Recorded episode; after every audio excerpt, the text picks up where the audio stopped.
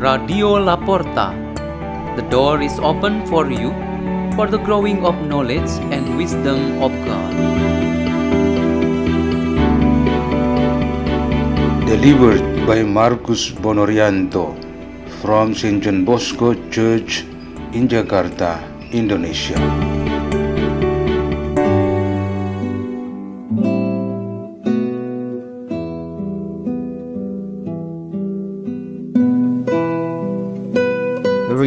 And meditation on the Word of God on Friday of the fourth week of Easter, May the 13th, 2022.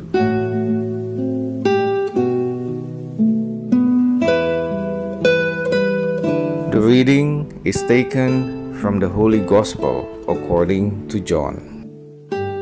Jesus said to his disciples, Do not let your hearts be troubled.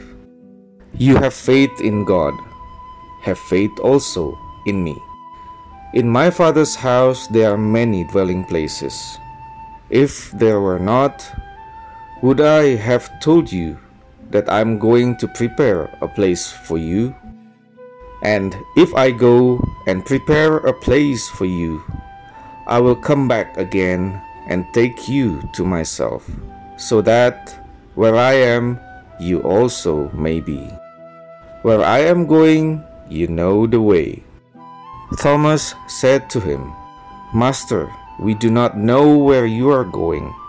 How can we know the way? Jesus said to him, I am the way and the truth and the life.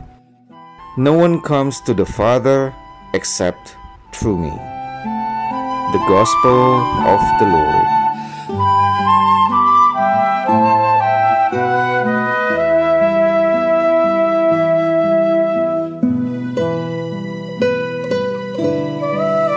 The theme for our meditation today is The Good Shepherd Comforts and Welcomes. Our comfort as human beings is always related to our interpersonal relationships with one another. Whereas being welcomed or feeling at home is more related to the atmosphere around and things we have or use. For example, you feel comfortable with friends near you, and at the same time, you feel at home in the atmosphere of cooperation and peace environment. The Lord Jesus, as our Good Shepherd, gives us a sense of comfort and being at home in such context. Jesus makes us comfortable with Him and our fellow believers. Jesus makes us feel at home in His house, the church, also with all His teachings and commandments. The very fitting expression for this is what Jesus says today Do not let your heart be troubled. Have faith in God. Have faith also in me. With my Father and me, everything will make you at home and comfortable. But not everyone agrees about being comfortable and at home in Christ. There are always people who do not immediately understand. There can also be different interpretations. For example, the Apostle Thomas asked, Show us what you are saying. Then Jesus very convincingly said, I am the way, the truth, and the life. This assertion is sufficient enough to overcome that doubt. Jesus gave his power to the ministers of the church to preserve this comfort and feeling at home of every believer in the church. Like the Apostle Peter, St. Paul also stood at the same level of teaching authority, preaching all the truths of Jesus Christ. This really gave a sense of comfort and feeling at home to all of his listeners, especially those Gentiles or non Jewish believers who were very critical and skeptical.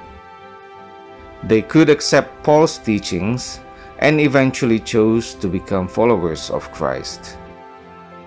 Then the question is who is the most responsible to provide comfort and feeling at home in this life?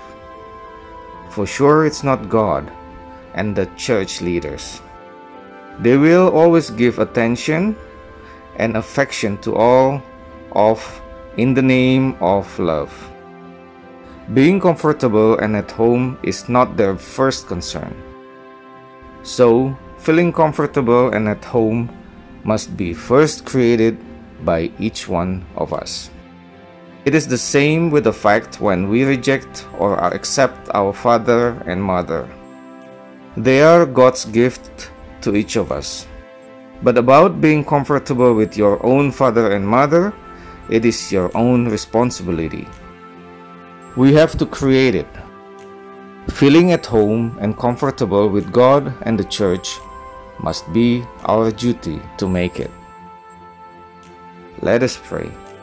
In the name of the Father, and of the Son, and of the Holy Spirit. Amen. Almighty God, may we always have a sense of comfort and being at home because you are always in our midst through Jesus Christ our Lord. Our Father who art in heaven, hallowed be thy name. Thy kingdom come, thy will be done on earth as it is in heaven. Give us this day our daily bread, and forgive us our trespasses, as we forgive those who trespass against us. And lead us not into temptation, but deliver us from evil. Amen. In the name of the Father, and of the Son, and of the Holy Spirit. Amen. Radio La Porta. The door is open for you.